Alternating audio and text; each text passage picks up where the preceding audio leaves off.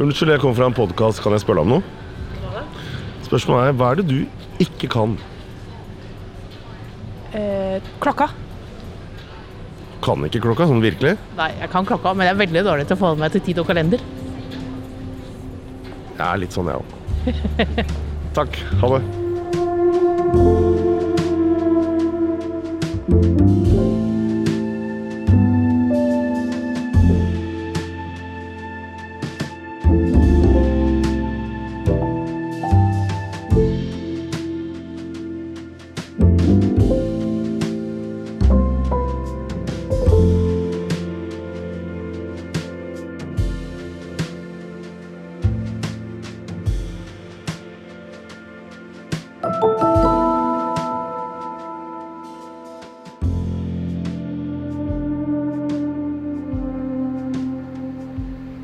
Velkommen til en ny episode av Sampodden. Kristian Kjelstrup heter jeg. Jeg er redaktør i Samtiden. Og på den andre siden av miksebordet så sitter du, Kjersti Bjørkmo. Velkommen.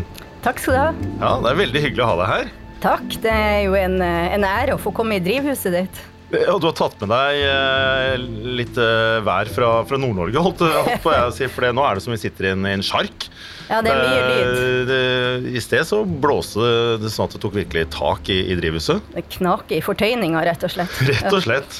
Du er en av samtidens tre faste spaltister.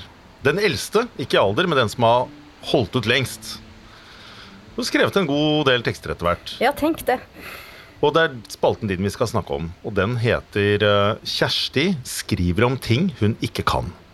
Men først kan jeg si at du har jo skrevet andre ting òg. Du er eh, lyriker. Skrevet to diktsamlinger.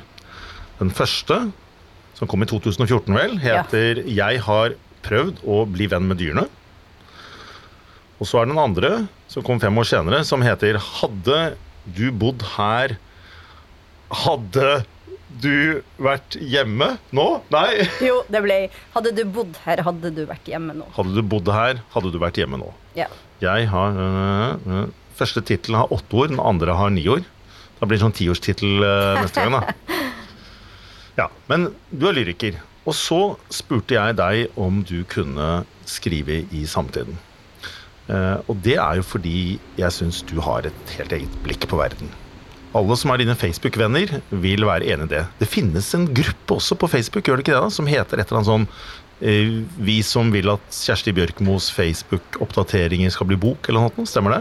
ja, det er veldig lenge siden. Eh, Det er jo mange sånne sovende grupper på Facebook. Jeg måtte bare snu meg og se etter en fugl på utsida. Ja, det er noen Eh, duer som går rundt deg. Du har jo prøvd å bli venn med dyrene. Du, du, Jeg er skeptisk mot duer, da. Ja, Men, det mange eh, er men eh, ja, det ble en ørliten avsporing. Men det fins jo ganske mange grupper som blir oppretta i Facebooks barndom, og det var en av dem. Men ikke vær beskjeden nå. Alle som ønsker å stifte nærmere bekjentskap med Kjersti Bjørkmo, bør lese ikke bare spalten i Samtiden, men klikke, i- klikke seg inn på Facebook-postene dine. For det, jeg vil våge påstanden du har, du, har liksom du har et eget blikk på verden. Derfor ville jeg ha deg inn i Samtiden. Og spalten din heter altså 'Kjersti skriver om ting hun ikke kan'. Da er det jeg, jeg skal spørre deg, da. Hva er det du gjør i den spalten? Men det var jeg som ga deg oppdraget. Så jeg får heller spørre deg eh, hvordan var det å få det oppdraget? Eh, ja, jeg ble som jeg alltid blir litt sånn skeptisk på, er det her noe jeg kan egentlig eh, gjøre noe meningsfylt eller morsomt, eller eh, eh, gjøre noe ut av som, som har noe verdi? Det var vel akkurat den type spalte jeg følte at eh, jeg kunne gjøre noe med, fordi at den ikke handler om å produsere mening. Eh, For jeg har aldri hatt noe lyst til å være en sånn type kommentator som setter dagsorden eller, eh, eller synes så mye om ting. Eh, Jeg vil heller gå inn i et annet type tomrom, da, som den spalten tillater meg. Der jeg kan bruke poesien og observasjoner og språket eh, og humor på en litt annen måte. Så, så etter litt nøling så fant jeg ut at jeg faktisk kunne passe ganske godt Eh, og man skulle tro at det fantes eh, en uendelighet av ting man ikke kan her i livet også. Så, eh, så da sa jeg ja. Og det er jeg veldig glad for, for det, spalten din er jo blitt til det du sier. Det er, en, det er en litterær spalte. Det er ikke en spalte som nødvendigvis mener så mye. Og så er det jo mange av eh, de tekstene også i samtiden. Hvorfor uh, kvier du deg sånn for da, å være en slik uh, meningsytrer eller rikssynser eller, eller slik? Nei, jeg kvier meg egentlig ikke, men jeg vil ikke ha et oppdrag der jeg er nødt til å gjøre det når jeg ikke har et trykk. som gjør det nødvendig. Jeg kan fint skrive eh, kronikker hvis det er noe jeg føler må sies, men å gjøre det sånn oppskriftsmessig med jevne mellomrom står for meg som en øvelse kanskje litt flere burde tenkt seg om før de gjør. Og det er rett og slett eh, Det har litt med selvbildet også å gjøre. Jeg har ikke lyst til å tro at bare fordi jeg kan skrive, så er alt jeg sier interessant bestandig i motsetning til de to andre spaltistene i samtiden, ehm, så er du skjønnlitterær forfatter. Og eh, en slags klisjéoppfatning av en skjønnlitterær forfatter vil kanskje være at det er en person som nettopp skriver skjønnlitteratur og kanskje ikke ytrer seg så mye i eh, via kronikker, selv om det finnes rikelig med eksempler på, på dem som er på, på flere arenaer. Men, men, en som da oppsøker en form som er flertydig, ikke har et for tydelig budskap eller stillingstaken. Kjenner du deg igjen i det? Uh, veldig. Men det er jo også der drivet i språket mitt ligger. Uh, hvis jeg vet hvor jeg skal, hvis jeg vet hvis jeg har en veldig tydelig agenda, så må jeg være ganske sånn sint eller ha et ganske stort trykk for, for å fullføre det. Sånn at eh, jeg må synes det er gøy underveis, og jeg må finne en eller annen sånn eh, lomme i språket der jeg kjenner at oi, nå, eh, nå rører det seg. Og det her er jo, jeg er jo poet, sånn at jeg vil gjerne at, at enkeltsetninger skal nappe litt, hoppe og sprette litt. Og det, men det er, det er like mye for min egen del som for leseren sin del for å holde ut i språket. Jeg er ikke den som syns nødvendigvis at det å skrive er det artigste jeg gjør, men jeg kan gjøre det til det artigste jeg gjør. Eh, så, eh, og det, det passer i den spalten. Men vi har jo kalt spalten din 'Kjersti skriver om ting hun ikke kan', og det var vel en inspirasjon fra, av alle steder, eh, Senkveld TV 2 så finkulturelle er vi i samtiden. Eh, hvor han ene, eh, ikke, ikke, Thomas, men Harald Rønneberg, skrev eh, hadde en slags spalte da, på TV eh, som het eh, 'Harald gjør ting han ikke kan'.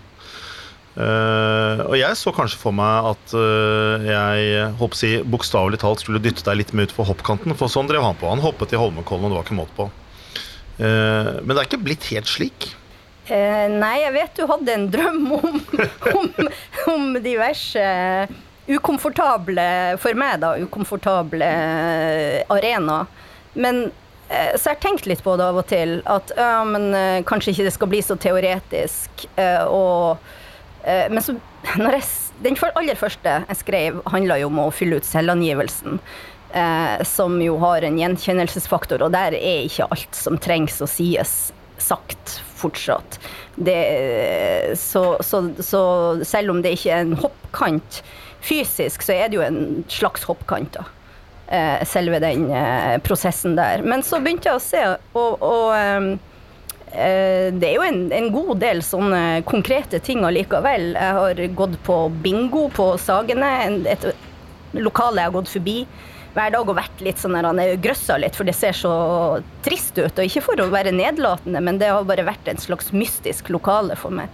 Så jeg har vært inne der og spilt bingo midt på dagen. Jeg har stoppa ut et ekorn, skrevet om det. Det er jo veldig konkret. Eh, og eh, prøvde flyting, eller floating. La meg inn i et sånt egg. Ja, Hva er det? For det er kanskje ikke alle som er helt kjent med? Eh, nei, hva er det? Det er Eh, det er en slags sånn meditativ Du oppsøker et eh, tomrom av inntrykk. Det fins eh, flere steder i Oslo som tilbyr at du legger deg i et Ja, det er forma som et egg, med der vannet er 37 grader, eller har kroppstemperatur, og der det er så mye saltinnhold i vann at, at du akkurat flyter og ikke trenger å gjøre noen ting. Så det, det er jo egentlig en slags sånn fosterstadie du går inn i.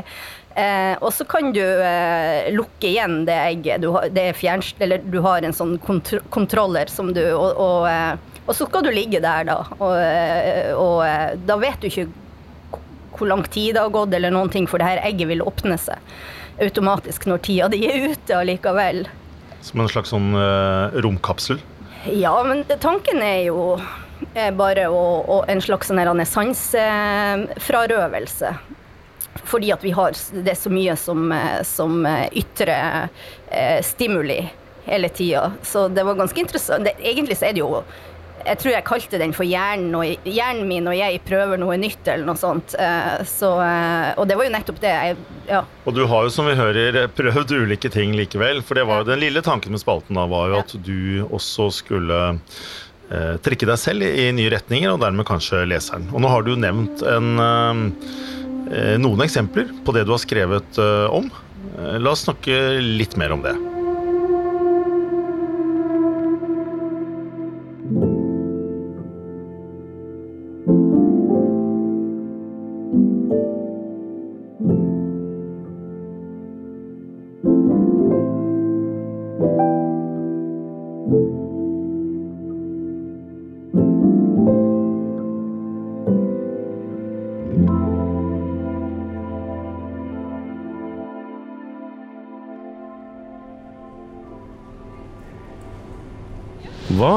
Det dere ikke kan?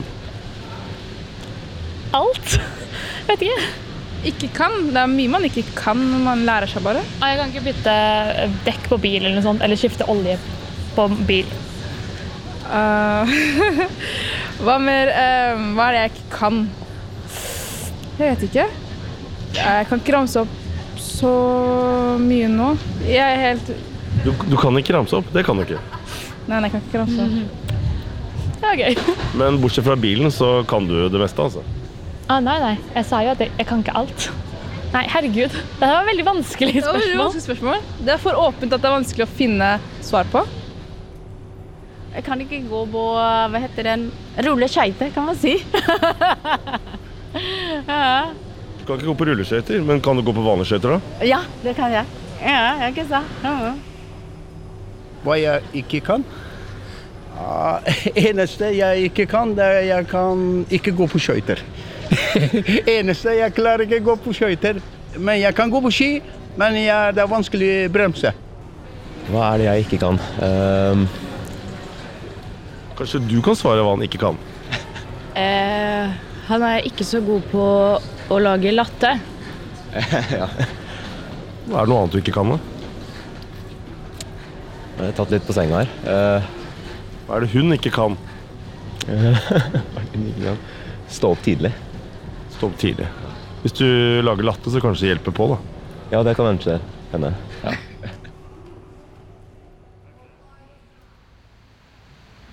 Kjersti Bjørkmo, vi sitter her i drivhuset til Samtiden på Jungstorget i Oslo. Du nevnte dette egget som du nærmest lå fløt rundt i. Hvordan er det å sitte i drivhus? Er, det, er du i flytsonen da, eller?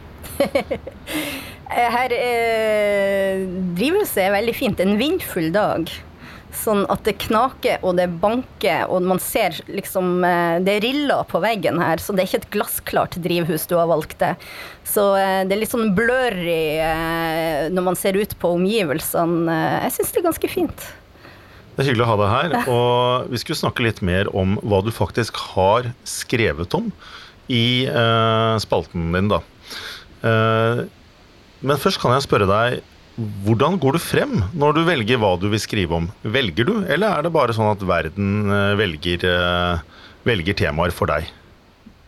Det er bestandig litt vanskelig å vite hva som skjer oppi knotten på en i sånne Av og til er det jo deadline som gjør at det eh, blir veldig maktpåliggende å, å finne på noe. Men jeg må bestandig prøve å lete etter noe som språket mitt kan bære, og da på en måte som gjør det lystbetont å skrive. Sånn at det finnes masse tema eller ting eh, som, som, man ikke kan, og som man godt kunne undersøkt, eller Men hvis ikke jeg ser en måte å håndtere det på, rent språklig. Det her er jo sikkert den skjønnlitterære eh, stemmen som jeg ikke eh, helt gir på, selv, eh, gir slipp på, selv om det er sakprosa det må kategoriseres under. Så det er vel så mye eh, Jeg har som regel et par-tre tema jeg kunne tenke meg som jeg, som jeg stadig snakker om. Vennene mine minner meg på. Jeg har spurt folk hva er det liksom jeg snakker om, er, og, og de er jo veldig glad i når jeg ranter om ting, for det, det er jeg flink til ellers. Så det kan jo være litt sånn her, ja, Jeg skrev om fugler som irriterer meg. Du har skrevet om fugler, du har skrevet om hvordan man kan takle idioter. Ja. Du har skrevet om eh, hunder og katter, om, eh, om eh, dating, om livet under korona, om ørretfiske, om døden, og som vi hørte, om eh, selvangivelsen. Som kanskje kan kalles døden. Ja, og, og det var den første teksten din. Eh, hvorfor, da du skulle være ny spaltist i Samtiden, valgte du av alle ting å skrive om selvangivelsen? Det kan jo ha noe med timinga der og da å gjøre, at den lå ganske friskt framme i, eh, i eh, pannebrasken på meg.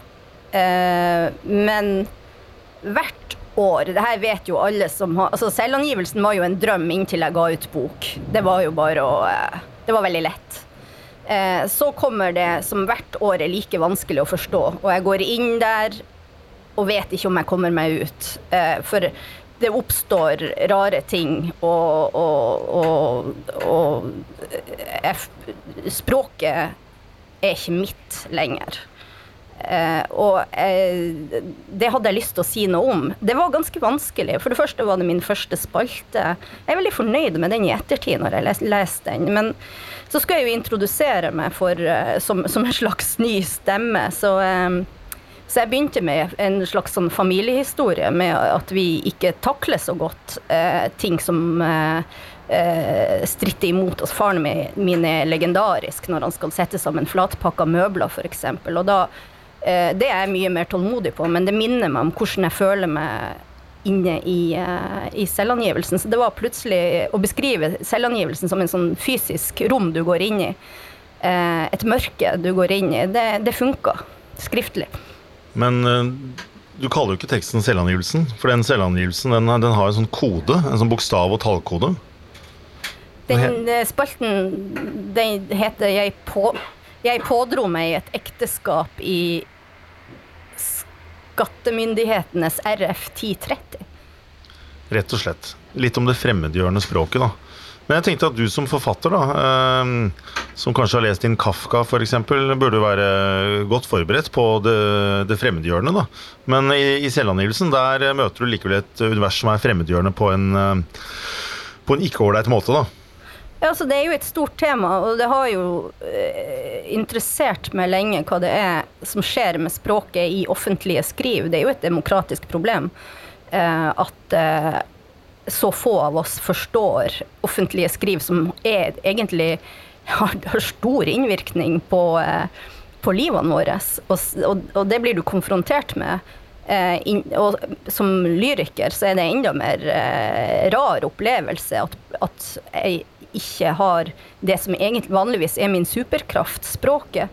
At det har ingenting å si når jeg er inni der, for jeg forstår Jeg vet ikke engang hva, hva, hva jeg heter. Jeg forstår eh, skiferbruddeier og reindrifts eh, reineier, forstår jeg det alternativet, alternativ, men jeg aner ikke eh, Jeg driver ikke med skogbruk, og dermed vet ikke jeg hva jeg skal huke av for. Jeg har vært inni der, jeg òg. Jeg har aldri funnet et alternativ for meg. Jeg går alltid på den som heter annet. Ja, ja.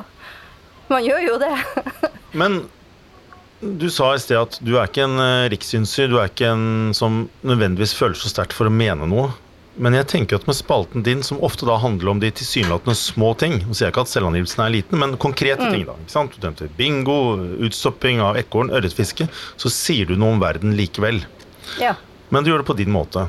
Hva var det du fundamentalt ville si, da, eller endte opp med å si i denne teksten, tenker du? Jeg hadde lyst til å synliggjøre det store paradokset det er at noe så personlig som, som å redegjøre for sin eh, priva, private økonomi, eller for sin økonomi, blir så uforståelig i møte med det språket. Nå har jo jeg den, den Det her var jo før min andre diktbok kom ut, og der har, går jeg jo også det er et prosjekt som, som, som uh, har forgreining. Uh, så når jeg i andre diktsamlinga mi skriver om kommuneslagord, så er det jo fortsatt en slags uh, lek med, med, gapet mellom det offentlige vedtatte språket og, og, og er, og hva som sier noe om livene våre. Jeg forstår også at det må være så presist som mulig, men det å bruke bevisst tilslørende språk, sånn som jeg har jo hatt mine problemer med Statens innkrevingssentral. Eh, det hadde jeg fortsatt jeg skrev den teksten, og av og til så Altså, staten gikk inn og tappa kontoen min etter første bok. Nå er det ikke så flaut å snakke om lenger. Jeg gjorde ikke det på mange år, for jeg syntes det var pinlig. Men jeg bare konfiskerte hele, hele inntekten som jeg fikk fra, eh, fra den boka derfor eh, var det en del jeg hadde på hjertet om at eh, det må da gå an å kommunisere litt mer. For det er det der uangripelige språket. Det er en grunn til at noen sitter og vil ha det så uangripelig som mulig. Det fins jo ikke noe subjekt i det. det ikke noe, Av og til så forstår du ikke hvem du er heller i, i de formuleringene. Hører dere det, Skatteetaten, hvis dere lytter til Sampodden? Nå har vi snakket litt om den teksten, men du har jo skrevet så mange andre tekster i samtiden, Kjersti. Og en du nevnte, eh, handlet om taksidermi, altså utstopping. Og utstopping av ekorn. I den teksten så pådrar du deg ikke en musehar, men en ekornskulder. Det er jo heller ikke sånn opplagt tema, hvis man da kan velge helt fritt eh, av temaer i tiden. Så eh, tar du for deg da utstopping av ekorn. Hva, hva var historikken bak den teksten? Eh, jeg skulle til London. Eh, det var egentlig research til et annet skriveprosjekt. Eh, så jeg tenkte jeg skulle slå to fluer i én smekk og skrive om akkurat det kurset jeg hadde meldt meg på. Det fins en del taksidermikunstnere i England som overlever også ved å gi kurs, akkurat som forfattere gir skrivekurs mye her i Norge, så er det taksidermikunstnere som gir eh, utstoppingskurs som endags hvis det er mindre dyr. Et ekorn skulle ta åtte timer å stoppe ut hvis du begynner helt og ikke kan noe fra før. Um, og uh, det er et eller annet med den historikken som ligger i England med å framstille dyr som mennesker, det, det, det er veldig eh, En av mine yndlingsutstoppere gjennom alle tider heter Walter Potter. Og har eh, sånne store tablåer med spurvebegravelse, der han har lagd eh, spurver som, som bærer sin bærer i ei kiste en død spurv og skal gravlegge, som om det var mennesker. Jeg vet, jeg har aldri helt Eller jeg driver og fortsatt å undersøke hvorfor det er så interessant.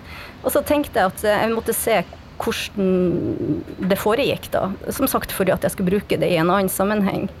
Men det var jo et helvete. Jeg trodde jo det kanskje skulle være litt gøy, eller at, at det skulle være ekkelt, det forsto jeg. Men at det skulle være heslig, liksom. Men at det skulle være så jævlig kjedelig. Var det det som var helvete? Ja. Ja, det var ekkelt. Og, og, jeg fikk jo Jeg har jo fortsatt Jeg har jo kronisk betennelse i skuldra etter den seansen. På grunn av det ja, fordi det var så mye slinter og fettrester og sånt på bordet, så jeg hertes ikke å lene albuen.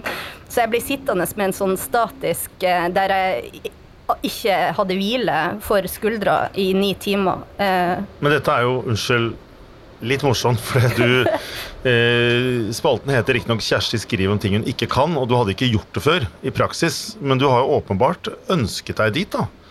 Eh, du, du, sa 'en av mine yndlingsutstoppere heter'. Det er en setning ikke så veldig mange går rundt og sier. Jeg har ingen yndlingsutstoppere. Har? Nei, jeg, jeg har ikke det. Men uh, selv om det er noen jeg av og til har hatt behov for å stoppe ut. Men det men, men, Ikke gjør det, det tar dritlang tid. Ja, men, men uh, i utgangspunktet, hva var det som fascinerte deg slik ved taksidermi? Mm, nå tror jeg du spør etter et svar jeg kanskje ikke har. Uh, jeg gjentar en av mine yndlingsutstoppere. Ja, eh, men jeg har vært mye i England, og i veldig mange eh, ut av de etablissementene jeg liker, så står det som regel et utstoppa dyr i et hjørne. Og det, er et, det, er et, det, her er jo liksom Da går vi inn i poetens virke, egentlig. Som er den eh, utviskinga av hvem vi er, og hvem dyrene er, og hva døden er. Og, eh, og det tilhører et annet prosjekt, kanskje. Jeg vet ikke, Eh, så Det tilhører samtidig som prosjekt Ja. Vårt ja. andre nummer i 2017 het eh, Dyrenummeret. Det handlet om dyr, og også om utstopping. For det er jo et underlig fenomen. Mm. Og du har jo prøvd å bli venn med dyrene, har vi hørt. Det er tittelen på altså, din første diktsamling. Eh, når du da skal stoppe ut et dyr, eh, hva, hva tenker du om det dyret? Ja, jeg, jeg hadde jo også lyst til å se hvem de andre som meldte seg på et sånt kurs var. Sant? det var jo en del av motivasjonen. Du titter litt på menneskene også. Ja, for det er jo det. det er jo ikke, I seg sjøl er det ikke så interessant, men det er jo vi som forvalter det, eller vi som går inn i det, eh, det feltet. Og eh, nå skal det sies at da jeg kom dit, eh, vi var fire deltakere pluss Susette, som var kursholder, så var hun veldig ivrig og fortalte at i dag har vi en komplett roadkill-class, der alle dyrene det var et kanin- og ekornkurs, sånn at én hadde kanin, vi andre tre hadde ekorn. Og da var alle var roadkills, som en venn av Susette hadde plukka opp, for han kjører motorsykkel, og for han er det lett å plukke opp fra veien. Ehm, Altså dyr som har, blitt, uh, som har dødd i trafikken. ja, Ja. nettopp. Uh, så jeg fikk jo mitt knuste lille ekorn. Det var i dårlig forfatning, kjøleskapskaldt. Uh, litt ekkelt å ta på. Og så ble jeg fryktelig skuffa over hvor introvert og kjedelig de andre var. Jeg trodde jo at de skulle være litt sånn engelsk, morsom. Sprudlende ekornutstoppere. Ja, Jeg trodde det. Men kanskje de var der på akkurat samme oppdrag som deg? da? At de ville Nei, bare du skjønner, spionere på andre? Skrapt. Eller var de hardcore ja, du, eh, så et sånt, du vet når du ser folk gjøre noe de virkelig elsker, som egentlig er et vakkert syn, men jeg gjorde noe jeg hata, og så satt jeg og så meg rundt, og eh, jeg så det der eh, fine glimtet inni øyet på hun som satt ved siden av meg, at det her var hennes komfort, det var hennes flyt. Det her var eh, kanskje hennes happy spot. Nå merker jeg blir plutselig veldig fordomsfull overfor ekornutstoppere. Altså. Kanskje det er eh, noe helt andre drifter eller mørke sider ved disse menneskene som de da tar ut eh, i denne prosessen. Jeg vet ikke. Det kan jo være meditativt å skrape eh, kjøtt av et bein med en skalpell. Med et dyr som er drept i trafikken, så det går jo liksom ikke utover noen heller. Men det gjør noe med deg mens du gjør det. Og det var det som var det store gapet. Hva det gjorde med meg, og hva det gjorde med de andre. Det gjør meg ikke til et bedre menneske, det gjør meg bare kanskje til et mer utålmodig og litt Jeg fikk ikke noe belønning underveis. Eh, jeg var dårlig til det. Jeg var den dårligste i klassen. Jeg, ikke, jeg måtte begynne å lure læreren til å gjøre det for meg. Eh, det var en veldig rar opplevelse. Det var veldig lite belønning. Eh, veldig lite mestringsfølelse, og, og det var heslig. I hvert fall av alle grunner så oppsøkte du ekornutstopping. Så har vi sagt at du har skrevet om døden. Det er et tema som kanskje tangerer eh, flere, eller oss alle. Det er et enormt tema å gå inn i. Eh, men det gjorde du likevel. Eh, og du skriver, karakteristisk for deg, syns jeg, i den teksten 'Jeg kan ikke noe om døden', men jeg har sett at kråkene på gravlunden spiser av stearinlysene om vinteren. For meg er det karakteristisk fordi du skriver ofte om verden nedenifra. Eh, du skriver ikke eh, om, om ting du ikke kan. Eh, men du vil altså gå løs på døden. Hvorfor det? Det her ble jo skrevet under nedstenginga. Jeg bor akkurat i overgangen Sagene Bjølsen. Jeg har ikke bil. Følte meg veldig innestengt. Gikk veldig mye tur på Gravlunden. Hva den heter Du vet det. Eh, den som ligger der. Nordre Gravlund? Det er Nordre. Jeg, Oslo. ja, jeg Ja. blander Vestre og Nordre. Og eh, brukte mye tid på å rusle og kikke på Det er mange som gjør, faktisk. Det er skrevet en del om folk som liker å gå og lese på gravstøtten. Jeg er sånn. Jeg stopper ikke ut ekorn, men jeg går eh, tur på kirkeårer. Ja. Eh, Det er fredfullt, og det er ganske interessant, og særlig når man kommer langt tilbake i tid, der man slipper å identifisere seg så mye med de som ligger under jorda. Eh, for det er litt trist. Men, eh, så jeg gjorde veldig mye av det, og, og, og rett og slett derfor. Uh, og også når man er Mange, mange er kirkegårdsturister når man er Hvor mange er ikke i Paris? Eh, og, og, og drar og ser på Jimmy Hendrix sin grav. Eh, og så finnes det ulike kulturer som, er, som eh, kanskje sier noe om, om hvem vi er akkurat nå. Og vi er jo inne i en veldig dårlig grav, gravstøttefase i historien. det? Det visste, det visste jeg ikke. Det er, det er lavkonjunktur. Ja, det, jeg vil jo si det. Det står lite interessant. Eh, Titlene er stort sett borte. Eh, for damer har ikke det der vært et høydepunkt uansett, eh, som ligger der med manns eh, etternavn og i familiegrav. Og, men for menn eh, det finnes jo enkelte damer som har fått sin yrkestittel, men for menn så eh, på min på den gravlunden jeg frekventerer, så er det bl.a. en som er karakterisert i en familiegrav. De er veldig, masse flotte titler på de andre. De er liksom advokat og jeg vet ikke hva, og så kommer han som det bare står 'reisende'. Eh, eh, det er veldig fint. Og da har du plutselig nesten i hel novelle mens du går og kikker på det. Så er det andre eh, Mens nå er det så tørt, og, og det står 'hvil i fred' eller 'høyt elsket', og det er jo veldig fint, men det er jo ikke veldig personlig. Men tidsskriftet hvor du har din spalte, er altså Samtiden. Eh, Med ditt blikk på døden, da. Hvis det er f.eks. på gravlunden, hva, hva sier det deg om hvordan vi betrakter døden i dag?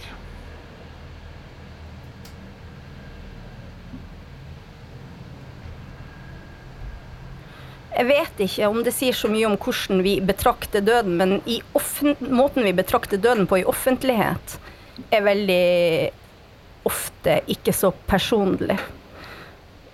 Og det er jo nettopp det Altså, det høres jo teit ut å sitte og kritisere hva folk skriver på sine kjæres gravsteiner, men, eh, men eh, det hadde jo vært hyggelig om det sto, for min del da Jeg tror ikke jeg kommer til å bry meg så mye, men det hadde jo kanskje vært hyggelig om det sto noe som viste litt hvem jeg var, eller eh, Og da det tenker jeg at mange er litt sånn redd for.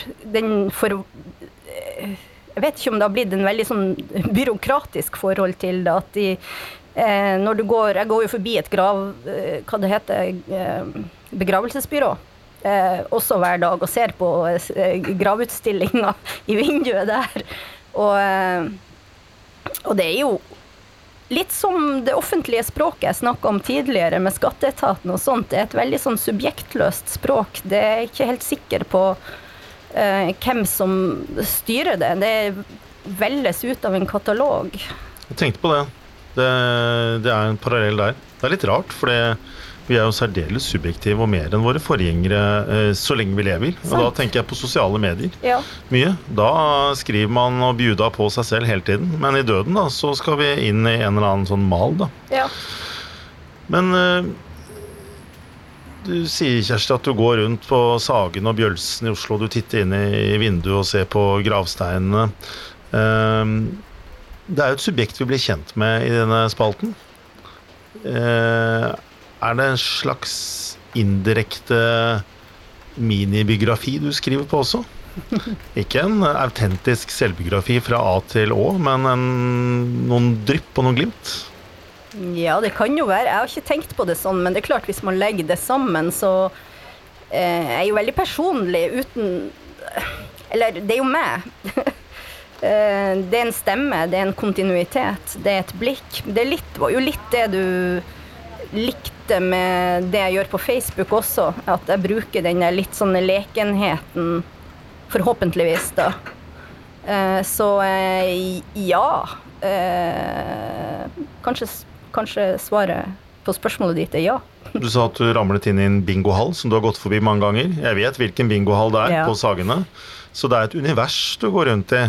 Og det universet er da en del av spalteteksten, ikke alle, så er det Sagen og Bjølsen.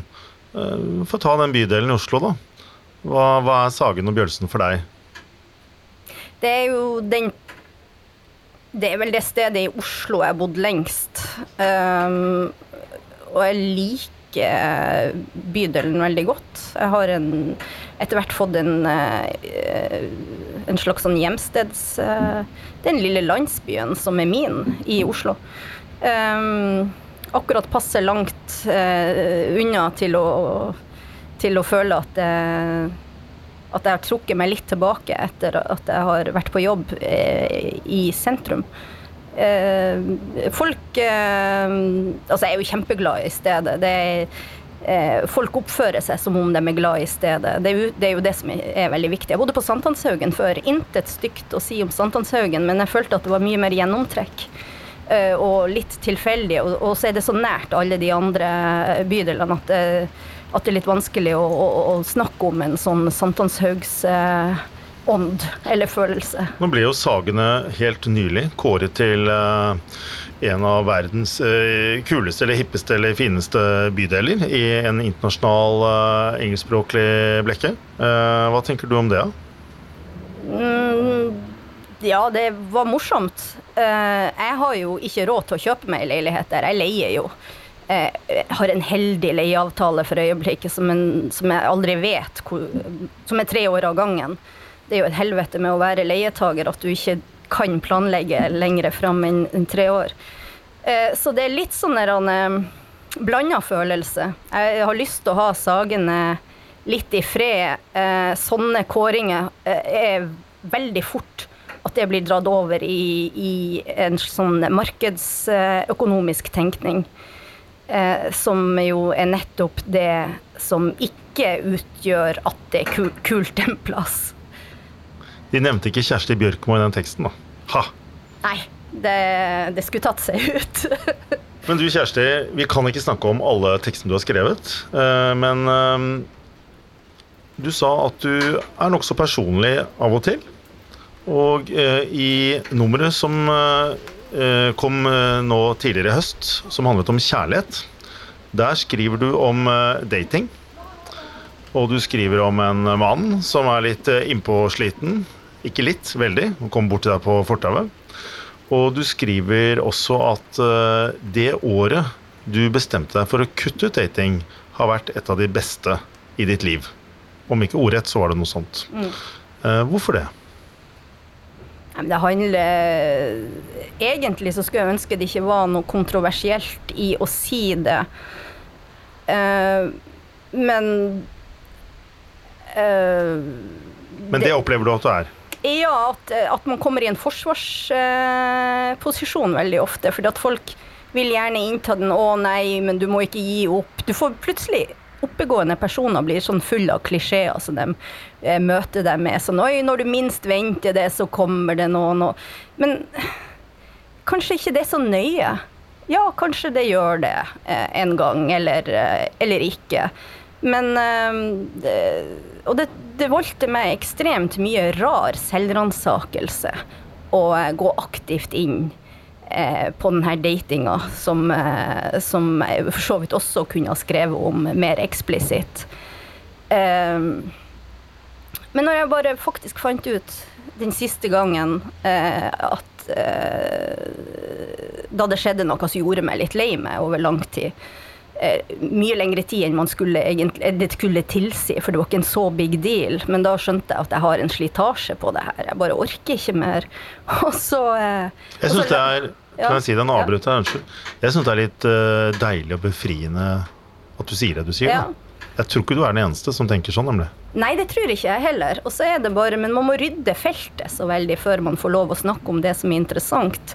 Man må liksom si nei, jeg er ikke bitter, nei, jeg rømmer ikke egentlig fra noe, nei, jeg lever bare livet mitt, jeg er fortsatt ute blant folket. Altså, jeg har vent meg sånn til å si alt det der der. Fordi, fordi alle vil dytte det inn i et narrativ der man på en måte, der det er en fallitt, eller man har gitt opp, eller der man ikke tenker bra nok om seg sjøl, eller Så er det jo egentlig litt det motsatte jeg føler det. Jeg bare la det til sides, begynte å, begynte å slutte å ransake meg på sånn fikt, vegne av en eller annen fiktiv person som, som, som jeg skulle møte.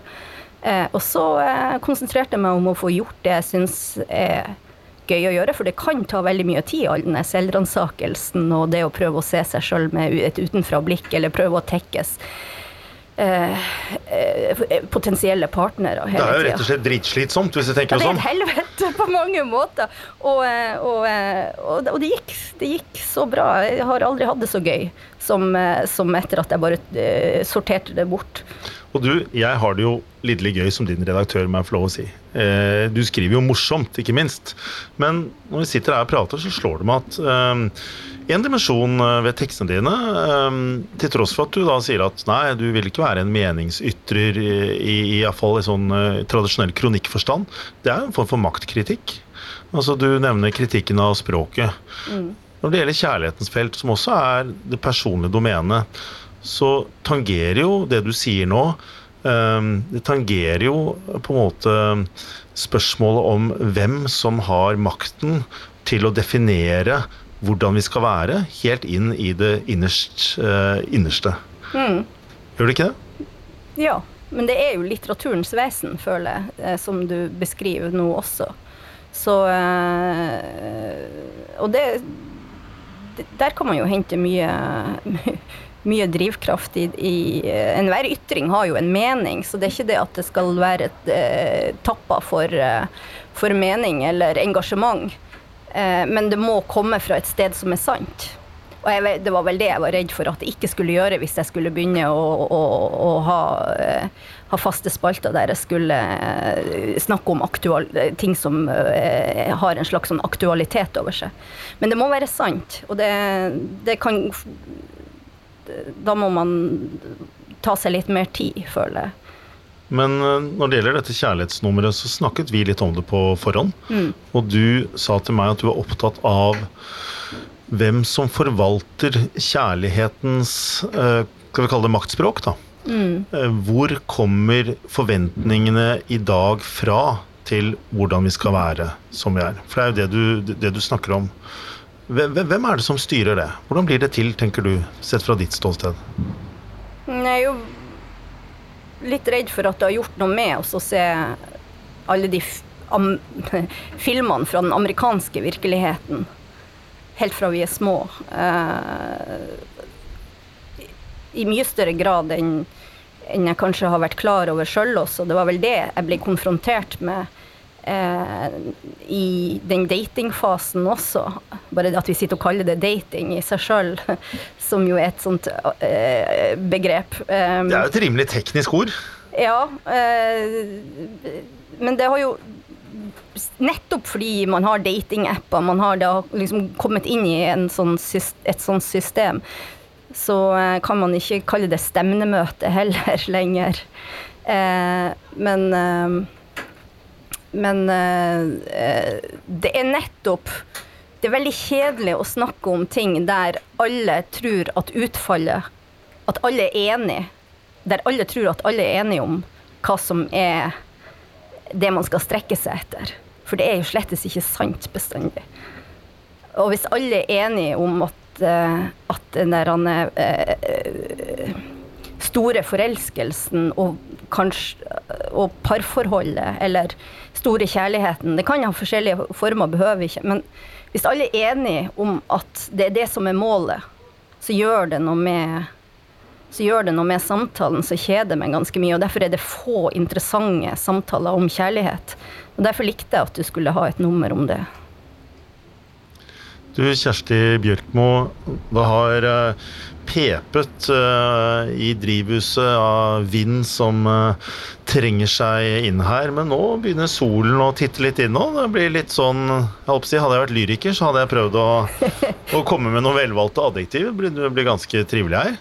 Så la oss runde av denne episoden av Sampodden med noe litt gledelig og noe du har kjærlighet til. Stor kjærlighet vet mange som kjenner deg, det er hunder. Den siste spalten din, eller til nå den siste teksten, i Samtidens nummer 4, 2021, så skriver du om et klassisk tema hunder og katter. Striden mellom de som liker hunder og de som liker katter. Hva er din inngang til det? Jeg hadde egentlig så syns jeg jo katt er ganske søt, men jeg har jo aldri møtt ei katt som ikke er pling i bollen. det er vel Så jeg prøver å være Det fins noen hunder som er der òg, altså. Det gjør det. Jeg liker ikke alle hunder. Uh, bit, sånne bitte små uh, som bare gneldrer hele tida, som aldri har fått en oppdragelse, som ikke har blitt sosialisert, liker ikke. Men uh, det er også et sånt forsøk på å ha en litt mer interessant samtale om det der. For alt, det har òg en sånn, det blir fort en sånn fotballprat. Oi, om det laget er best, det laget er best. Så, eh, så en, jeg prøver meg på en litt sånn varm, nysgjerrig tilnærming til den eh, merkelige eh, arten katte. Og jeg, alle som kjenner meg, vet jo at jeg pleier å si at jeg ble oppdratt som hund. Jeg levde i en Mormor og morfaren min hadde hadde tispe som hadde valper flere ganger mens jeg var lita, så jeg ble jo sosialisert sammen med de her valpene i hundegården. Og lekte at jeg var hund hver dag. Så jeg prøver å ta en hunds blikk på katter. Men ditt blikk på hunder, da? Hva, hva er det med hunder? Hvorfor, Mm. hvorfor, hvorfor liker du dem så godt? Sånn generelt?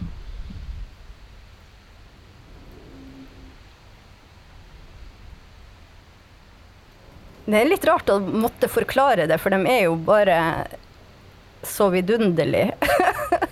Eh, jeg liker måten de rører ørene på, jeg liker måten de eh, har et litt flåsete blikk. Jeg liker kroppsspråket som jeg forstår veldig godt. Jeg liker den kommunikasjonen.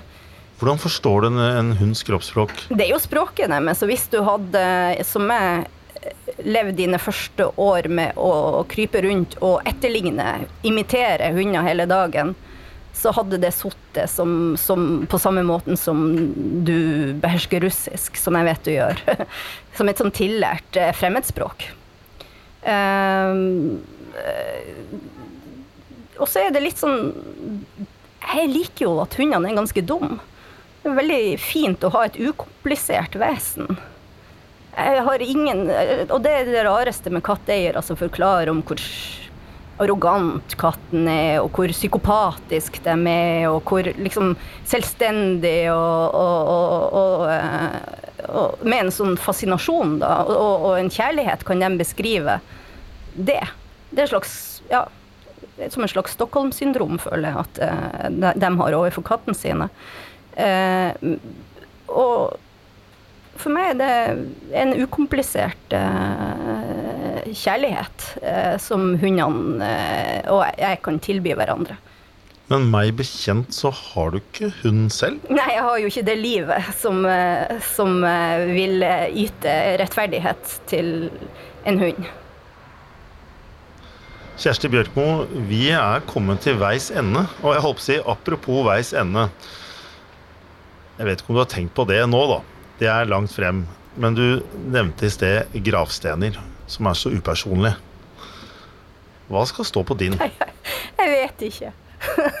Jeg har faktisk ikke et godt svar i det hele tatt. Poet? Eh, Eller mye mer?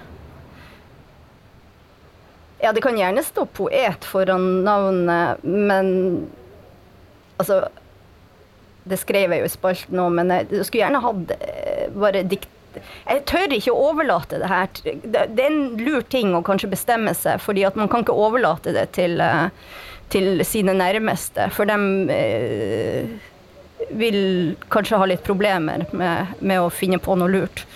Så Robert Frost har jo en nydelig eh, tekst på sin gravstøtte. Poeten Robert Frost, der det står I had a lover's quarrel with the world. Det er så fint. Noe sånt. Det skal nok ikke stå at du var spaltist i samtiden, men vi er veldig glad for at du er det, Kjersti. Noen som kjenner meg, vet at jeg holder høyt en poet som fikk nobelprisen, som er polsk, og som heter Wisława Szymborska. Jeg har vært ved gravstenen hennes. Eh, Men eh, kjære lyttere av Sampodden, rundt i Oslo, på Sagene Bjølsen, så går det en person som for meg er en åndsslektning av den poeten, og hun heter Kjersti Bjørkmo. Og jeg er glad for at du er spaltist i samtiden, og at du har vært her, i Youngstor her på Jungstorget i drivhuset Kjersti. Tusen takk for at du kom. Tusen takk skal du ha. Og Jeg heter Christian Kjelstrup og er redaktør i Samtiden.